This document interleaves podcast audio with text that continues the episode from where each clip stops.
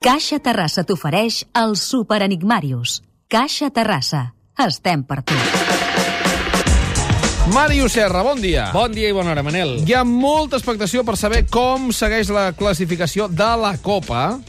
Doncs... Una Copa que encara té un recorregut de què? Dues setmanes, tres sí, senyor. setmanes? Dues Fa, a setmanes. falta de dues setmanes més, és a dir, nosaltres tenim ara ja els resultats eh, tancats a divendres passat, queden dues setmanes més per aquest còmput de la primera part del triplet, diguem la paraula triplet amb Sí. més força aquest matí que mai, Sí, diguem. sí, perquè jo avui Triplet. t'he de dir que ahir pensava en tu. Sí, Dic, ai, què direm demà, eh? Sí, no, no, triplet.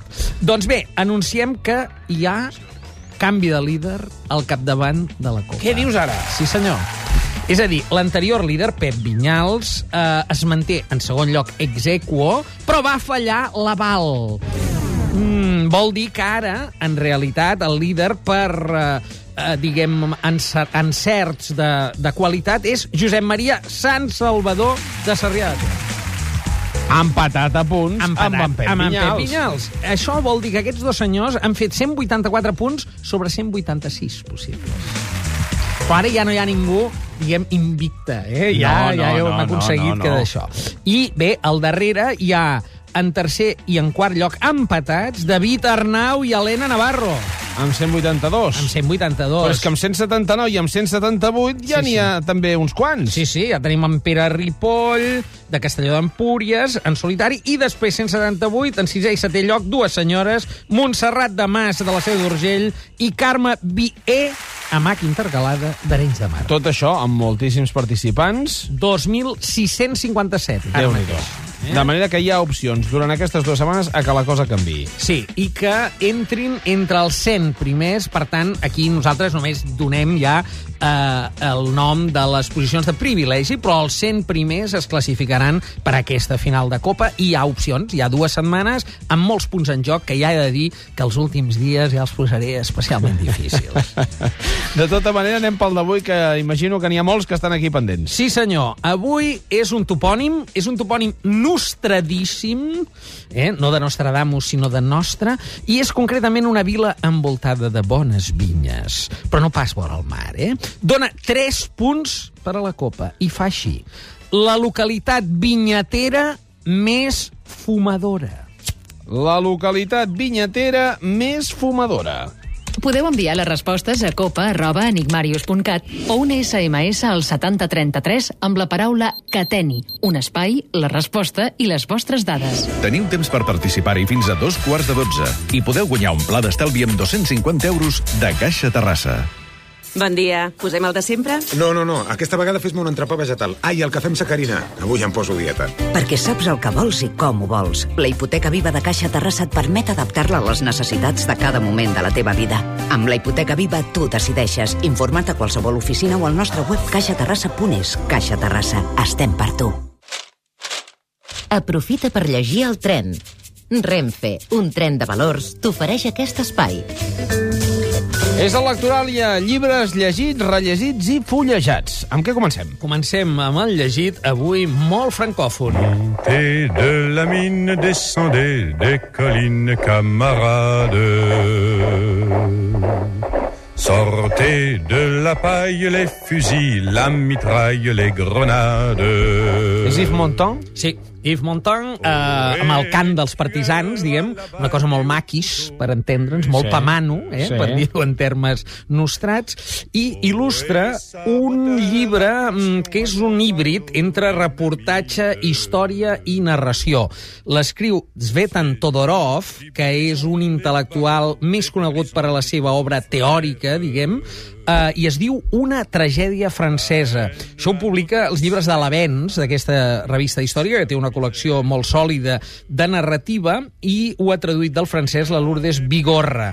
A veure, això és la crònica d'uns fets de la Segona Guerra Mundial mm, força desconeguts, una de les múltiples microhistòries que es donen en una gran guerra. Concretament, la ciutat de, o vila de Sant Amant, que és la primera ciutat en alçar-se contra els alemanys, una mica massa d'hora.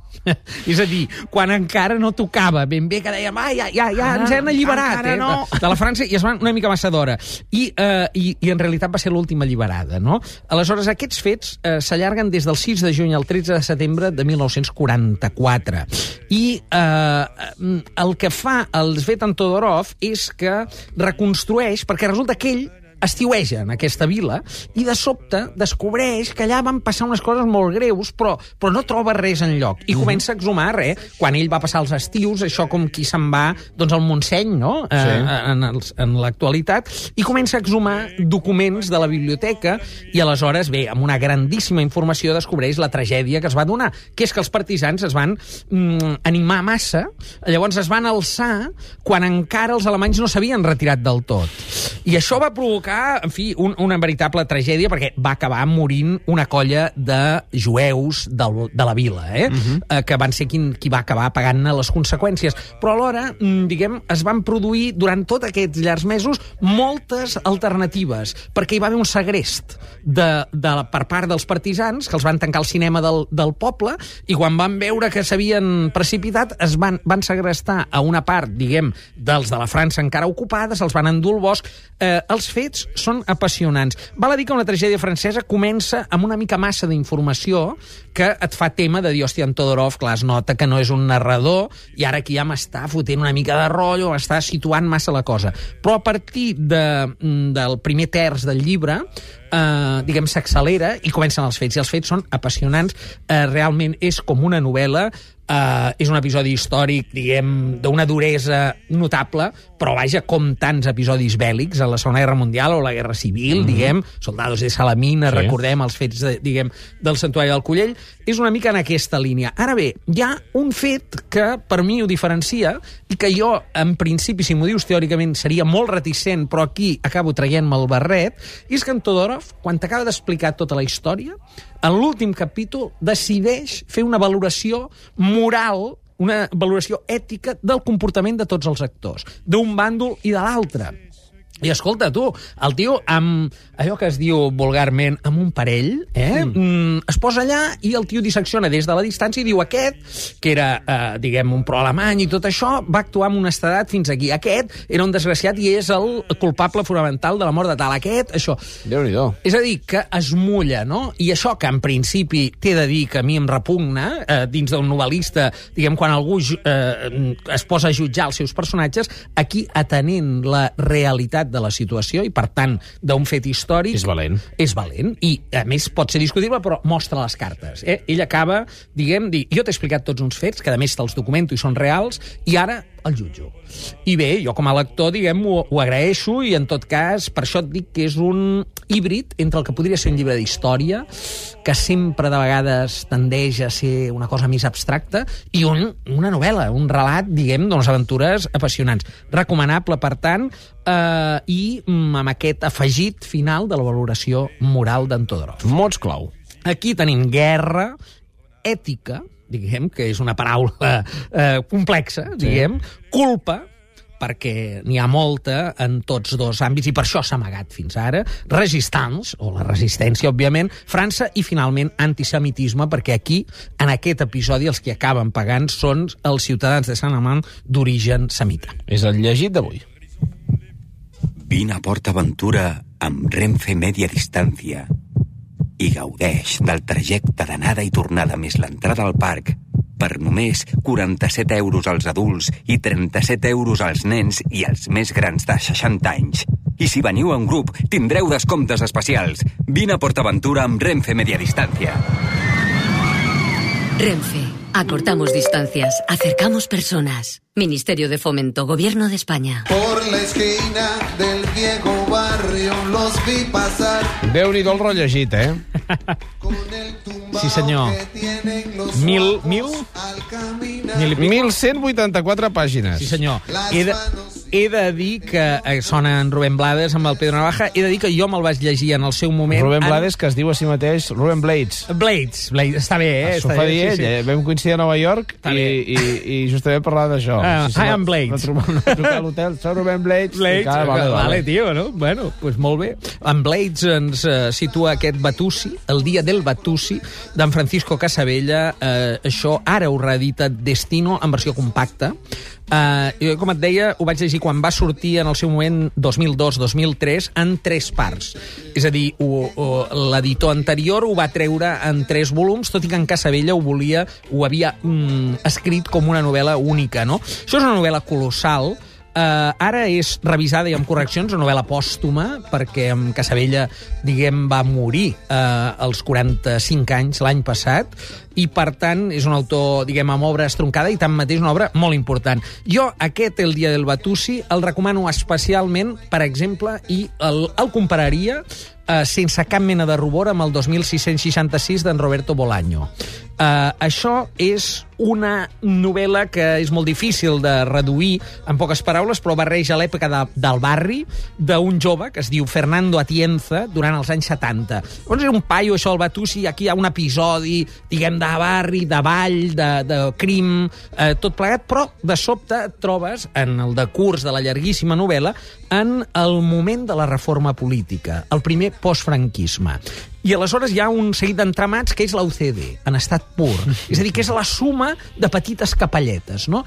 I avui en dia, amb aquests darrers casos de corrupció política, alguns dels quals eh, que es remunten molt enllà, perquè el senyor Millet també, eh, va, segur que va començar a operar fa ja unes quantes Sí. dècades, jo penso que pren una gran actualitat aquest món, aquest univers, que des del punt de vista d'un outlaw gairebé, és a dir, d'un outsider total, com és aquest Fernando Atienza, que en certa mesura podria ser el Casabella, diguem, una projecció, eh, dibuixa un panorama que, en fi, que no hi va haver ruptura, això ho sabem, hi va haver reforma, i això vol dir que hi va haver un seguit d'entramat d'interessos molt, molt grisos. Novel·la recomanable, però exigentíssima, diguem. Jo recordo ma- vaig trigar un estiu a llegir-me-la, diguem, els, els seus tres volums, no?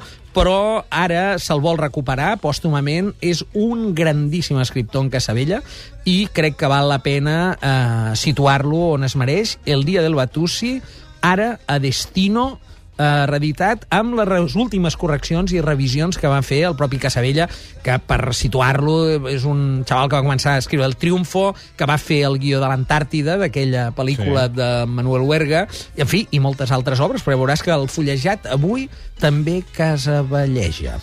Me gustan los aviones, me gustas tú.